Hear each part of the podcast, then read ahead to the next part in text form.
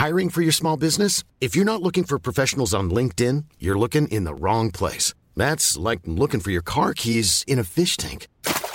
LinkedIn helps you hire professionals you can't find anywhere else, even those who aren't actively searching for a new job but might be open to the perfect role. In a given month, over 70% of LinkedIn users don't even visit other leading job sites. So start looking in the right place. With LinkedIn, you can hire professionals like a professional. Post your free job on linkedin.com slash people today. It's that time of the year. Your vacation is coming up. You can already hear the beach waves, feel the warm breeze, relax, and think about work. You really, really want it all to work out while you're away. Monday.com gives you and the team that peace of mind. When all work is on one platform and everyone's in sync, things just flow wherever you are. Tap the banner to go to Monday.com.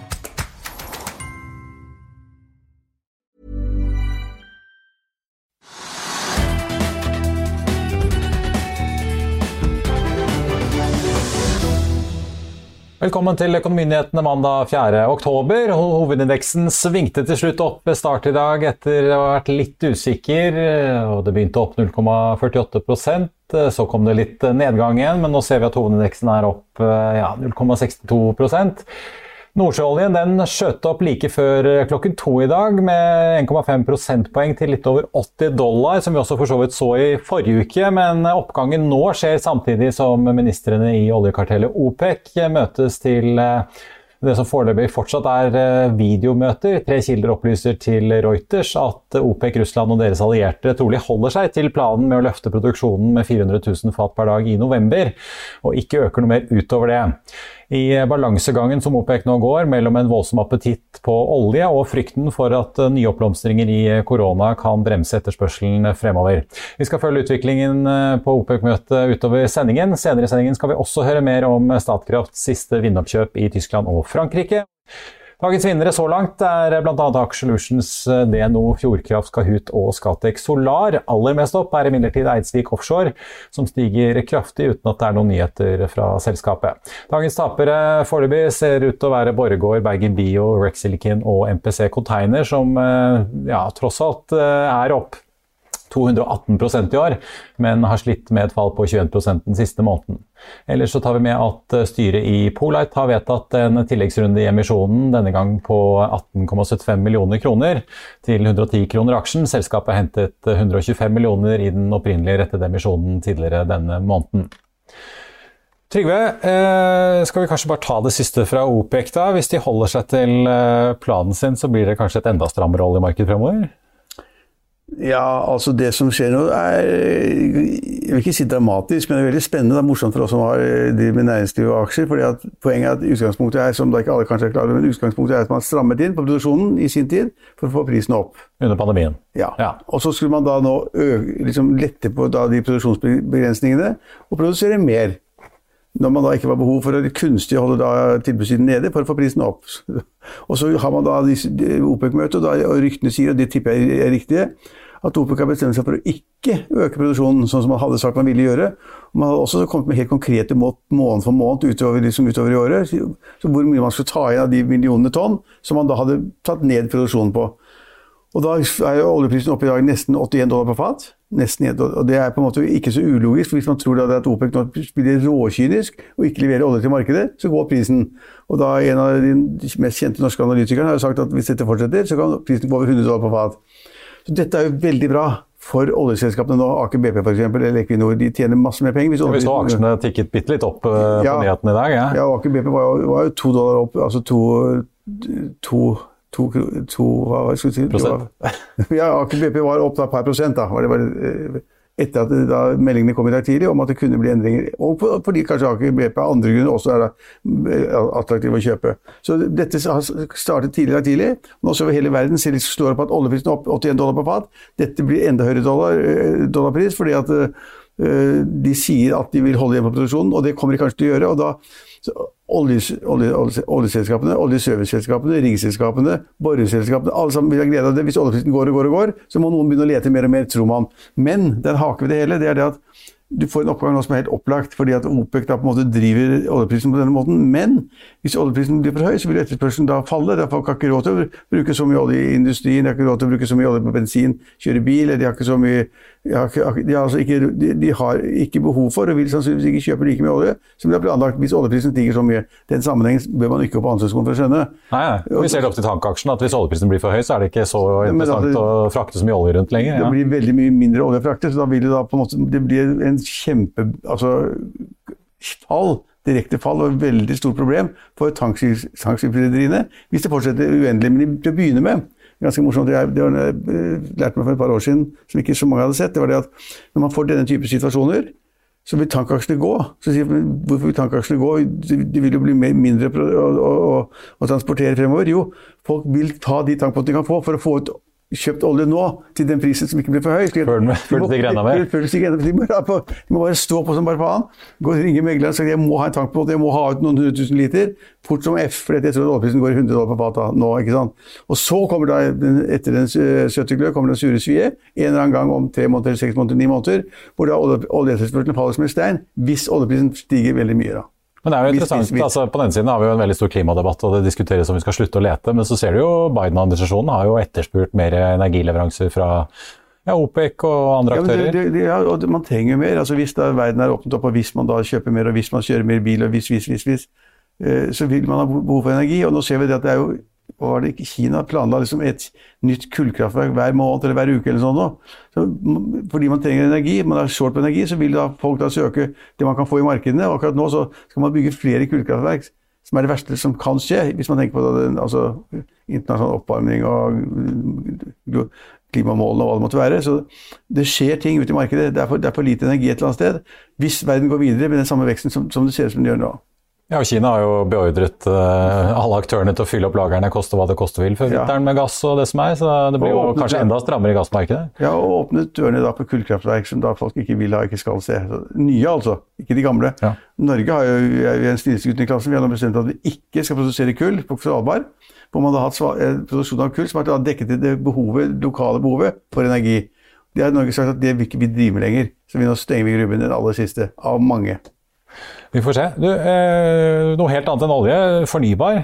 Scatec Solar kom jo med et resultatvarsel på fredag som sendte aksjen eh, rett i gulvet. Den endte jo ned Roet seg jo litt, da. Endte ned 10,4% Det var 10-15% en periode, da. Ja. Altså de, Hva tenker du om det? Altså de advarer jo, Det er jo ikke bare for selskapet selv, men de advarer jo om liksom en, en, kostnadsinflasjon i hele fornybarsektoren. Ja, og jeg kan ikke selskapet nok til å si liksom eksakt hva som skjedde, men poenget er at de, de har et poeng det er at åpenbart har de da fått masse av de innsatsfaktorene de bruker, så har de fått høyere priser på det. En kostnadsinflasjon på da leverandørsiden til dem. Og så sier de at dette gjelder alle. Det er, liksom, det, det, er, ikke, det er, ikke, bare, det er ikke bare oss. Ja. Ikke bare oss. Men jeg tror de har bomma litt, sannsynligvis. Og så har de da sett at det de skal levere, er ikke, er ikke der. De får ikke de prisene de skal. Eh, og så, faller, og så, sier de at vi når ikke målene våre. Det var det de sa, det var, liksom, det var en guiding på at de ikke nådde omsetningen. Det liker ikke markedet. Og Så skylder de på alle andre og sier at liksom, det gjelder ikke bare oss, sier alle andre. Jeg, de har litt rett. Og så sier jeg, som er så bitte liten i sånn internasjonal sammenheng, som da eier en båtfabrikk, eh, og folk vil ha båter som barrakkeren, vi er helt utsolgt liksom et år fremover, men de får ikke alle de motorene du skal ha. De får ikke alle de delene du skal ha. ikke sant? Så liksom, jeg har solgt en båt, men hva gjør vi nå, liksom? Og jeg, jeg, tror at i veldig mange næringer og, og, så ser man at det er på en måte det er eh, problemer, laget, nesten, altså, det, er, det er problemer på leverandørsiden. og Det er ikke bare de produktene de skal selge, men også at det ligger båt, 300 båter i alle havnene verden rundt. De, kommer, de får ikke losset og lastet. ikke sant? Det, det, er ikke nok containerskip, det er ikke nok containere, det er ikke nok eh, Lastebilsjåfører er det ikke nok av heller? Ja, nettopp I England så har de da på en måte da mangler 100 000 lastebilsjåfører, eller hva det er. Så du har masse gode eksempler på rundt om i verden, så de har et lite poeng. Det er ille der ute, man får kostnader som man ikke hadde regnet med. Resultatene blir dårligere, salget blir dårligere. Ja, det, men, men, de er ikke alene. Altså det, mange, det, det, skjer noe på verdensbasis ved at veksten nå kommer. Og så er det på mange måter man har ikke, Før i tiden var det iallfall slik, som du og jeg vet, at man, man, gjorde det slik at jeg trengte en annen vare til mitt produkt, og så bestilte jeg det hos produsenten, og så fikk jeg det den dagen jeg trengte det. Det er litt skummelt, for hvis du ikke får det akkurat den dagen, så er det liksom short dagen etter. Ja, Sånn just in time-produksjon? Ja, det var det vi lærte på skolen. ikke sant? Men det, det, det er fint for da den, den, det selskapet som kjøper de produktene eller de tjenestene, men hvis du hadde sviktet den produksjonskjeden, da, eller leverandørkjeden, så har du et problem. Og det, vi er der nå, altså. Og et annet morsomt eksempel nå på det i energisektoren, det er at uh, vi, mange av oss har jo smilt litt av de som har installert soltak på boligen sin eller eneboligen sin, eller på fabrikkene sine. Og herregud, skal produsere liksom solenergi på liksom en industridag, og så er det vinter seks måneder i året. og, og, så har man ikke råd. Hvis du, hvis du, da, hvis du bor i en enebolig og du da eh, monterer et der solcellepanel på taket, så tar det deg 10-15 år å nedbetale da investeringen. Det tenker man ikke på. Men så får man litt solenergi, så den er billigere enn det man da får av, av, av på nettet, kanskje. Eh, men nå er det helt vilt. Så da, nå er folk nervøse, og så har de lært en ting, tror jeg, men det er, det er, det er dagens teori fra Egnar, at folk har lært at når de kjøpte da elbiler, så går jo driftskostnadene dramatisk ned.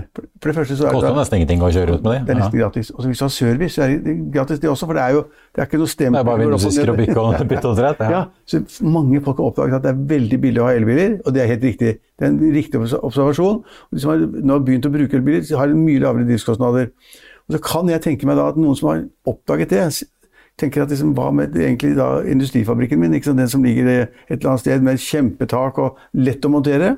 og hvor da nedbetalingen av disse investeringene kanskje er på fem-seks år, istedenfor det dobbelte når det gjelder private boliger. Så det er blitt en kjempeinteresse for å da få installasjoner av, av sol, eh, solpaneler på tak. Og Det skaper også da kjempeproblemer for de selskapene som er der. Altså, Omsetningen eksploderer, folk, folk vil ha det, men de kan ikke levere det. De kan ikke levere, sannsynligvis. Så da vil prisene gå rett opp. Så rett opp all mulig energi. rett opp solenergi Alt blir dyrere? Alt blir dyrere. Solenergi på taket og solenergi på, på fabrikken osv. Så, så vi er inne i en sånn energiskvis på mange måter, hvor folk ikke helt vet hva de skal gjøre. Og de som skal erstatte den, den tradisjonelle energien, da, enten det er olje eller vannkraft, eller hva det, er, hva det, hva det er, vannkraften fra, fra Nordsjøen, nei, vindkraft fra Nordsjøen eller på land, den er ikke der ennå. Den er ikke der ennå. Nei, Det tar jo tid å erstatte, erstatte alt. Ja, men det er ikke der ennå. Jeg syns det er kjempemorsomt å se hva som skjer. Ja, og hvor, hvor, Spørsmålet er liksom hvor, hvor, høyt skal oljeprisen gå? Men det er jo et, uh, Apropos nye energiformer, det er jo et selskap på Oslo Børs som selger som hakka møkk om dagen. og Det er Saptek som driver med elbilladere. De, men de snakker jo også om at det er litt sånn krevende på komponentfronten. uh, men, men, altså, de kommer jo med resultatvarsel som de pleier å gjøre i morges. og Aksjene opp 6,5 altså jo, De omsatte for 131 mill. i kvartalet, opp 150 fra ja, i fjor. Ordrene øker og øker. Og... Rett inn, og der sitter Erik Must, en som er en av aksjonærene. Proff investor, en av de beste. Der sitter han. Og, der, elbil, ja, Hvis du har elbil, så må du ha lader òg. Her i bygget så monterer vi stadig nye elbilladere i kjelleren. Alle skal ha elbiler, og alle skal ha ladere.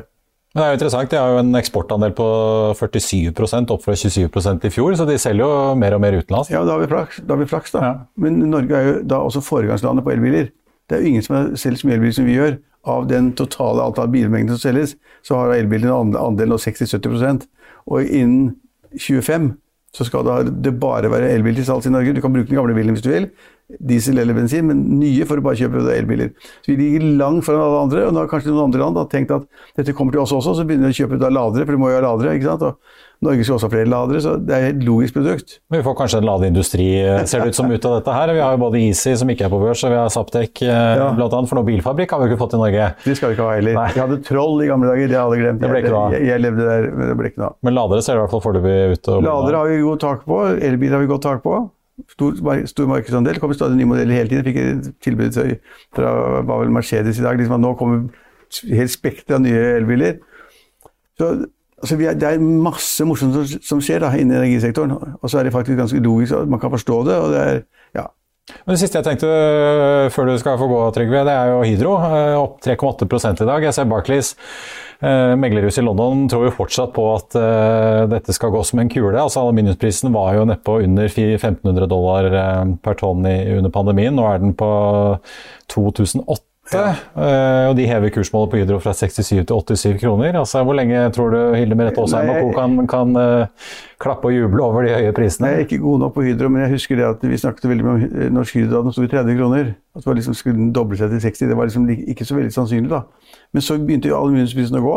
Og da, hvis verden skal ha aluminium til støtfangere eller andre produksjonsting eller industri, eller hva det måtte være, så går jo hydrokursen også. og nå er det liksom For de er jo en del av denne syklusen, på en måte, Ja, det er- appetitten det er- etter råvarer og ja, det er- energi. Det er, verdi, det er verdiselskaper og råvarer og alt sammen det går. Og da når aluminiumsprisen går og går og går, så går jo kursen også, for de vil jo tjene mer penger på det. Ja. Ja.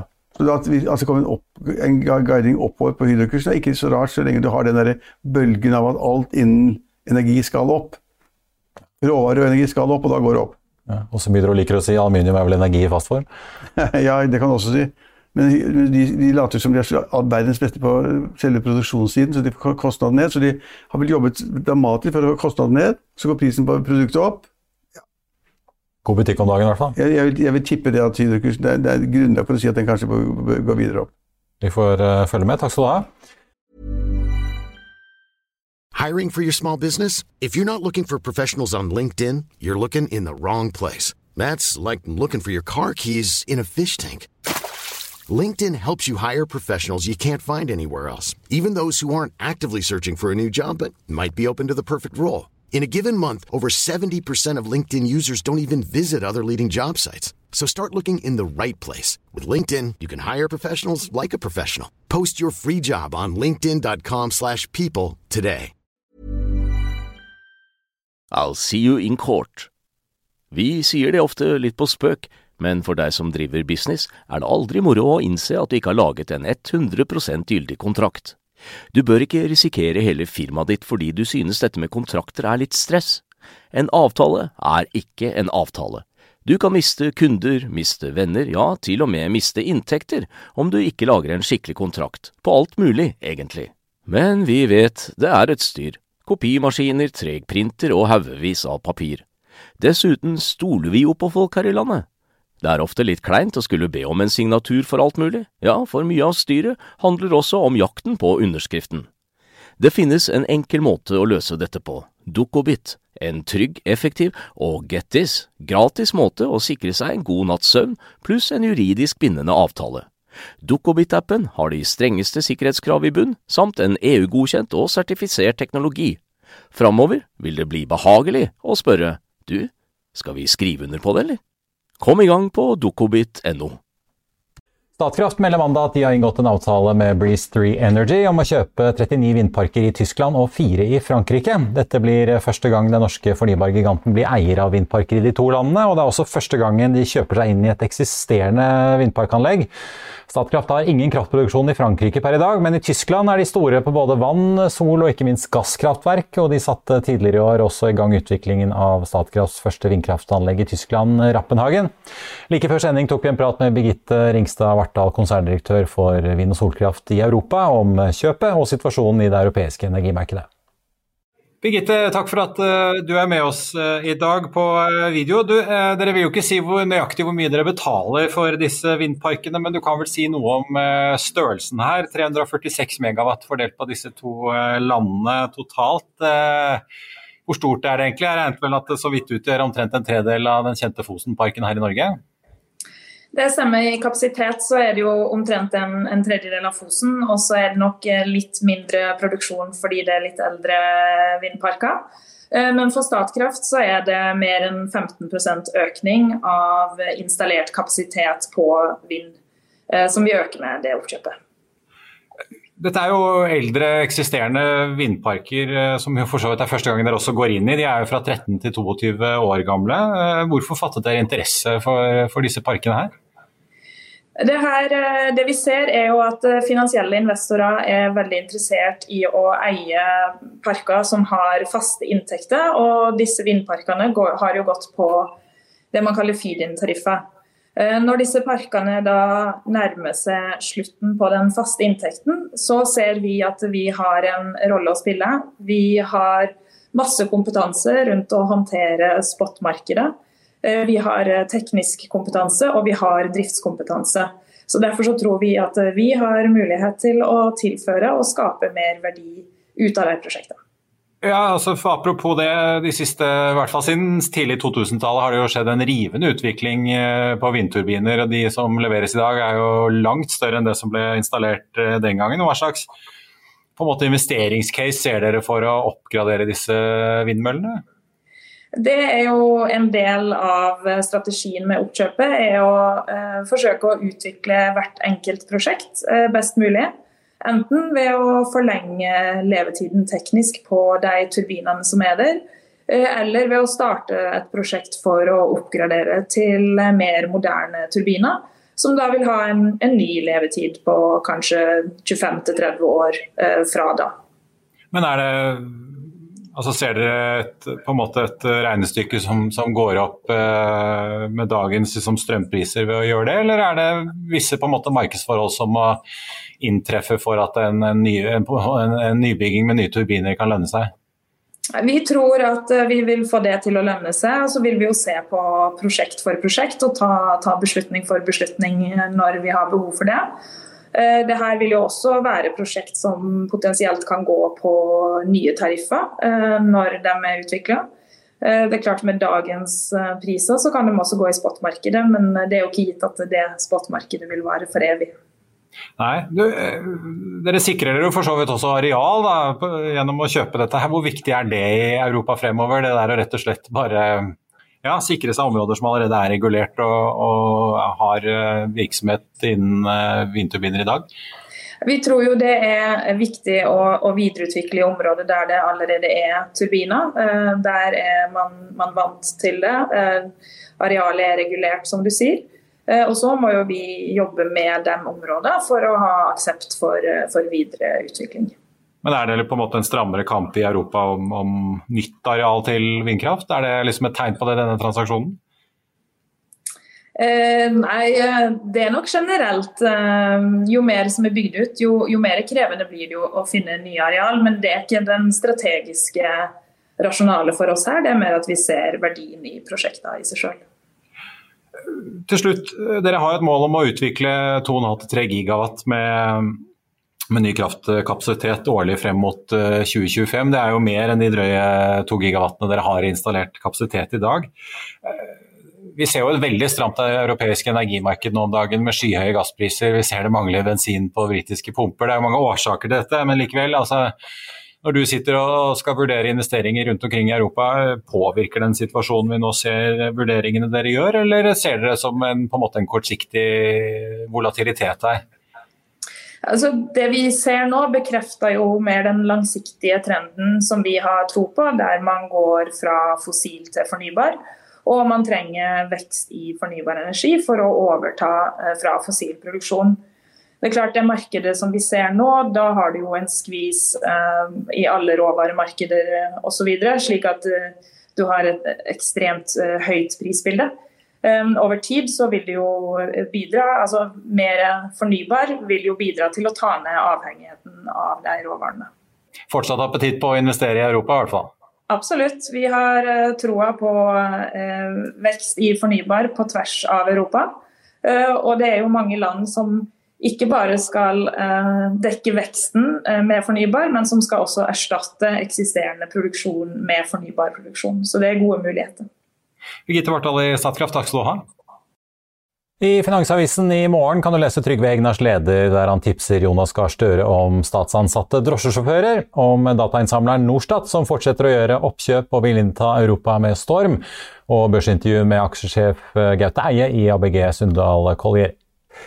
Eh, helt på tampen av sendingen tenkte jeg vi skulle oppdatere dere litt. Oljeprisen går som en kule etter meldingene og ryktene som altså kommer ut fra OPEC-møtet. Et fat nordsjøolje koster nå 81 dollar og 67 cent i spotmarkedet. Det er opp 4,3% Vi ser at disse, dette også smitter over på oljeaksjene på Oslo Børs. Equinor er opp 2% nå, var opp eh, så vidt over null tidligere i dag.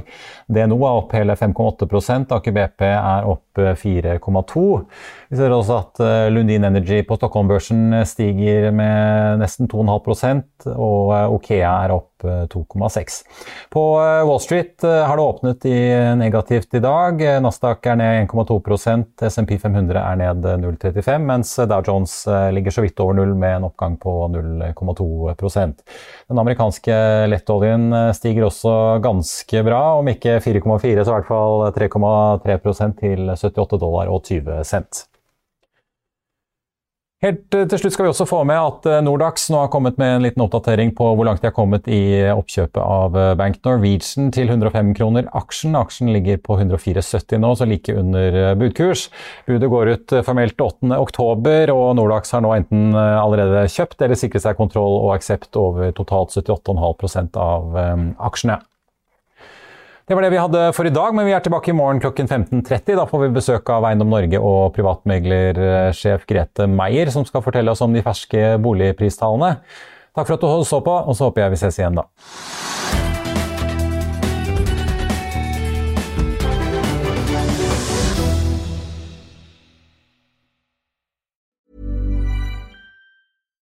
Support comes from ServiceNow, the AI platform for business transformation. You've heard the hype around AI. The truth is, AI is only as powerful as the platform it's built into. ServiceNow is the platform that puts AI to work for people across your business, removing friction and frustration for your employees, supercharging productivity for your developers, providing intelligent tools for your service agents to make customers happier. All built into a single platform you can use right now. That's why the world works with ServiceNow. Visit servicenow.com slash AI for people to learn more. Økonominyhetene er en podkast fra Finansavisen. Programledere er Marius Lorentzen, Stein Ove Haugen og Benedikte Storm Bamvik. Produsenter er Lars Brenden Skram og Bashar Johar. Og ansvarlig redaktør er Trygve Hegnar.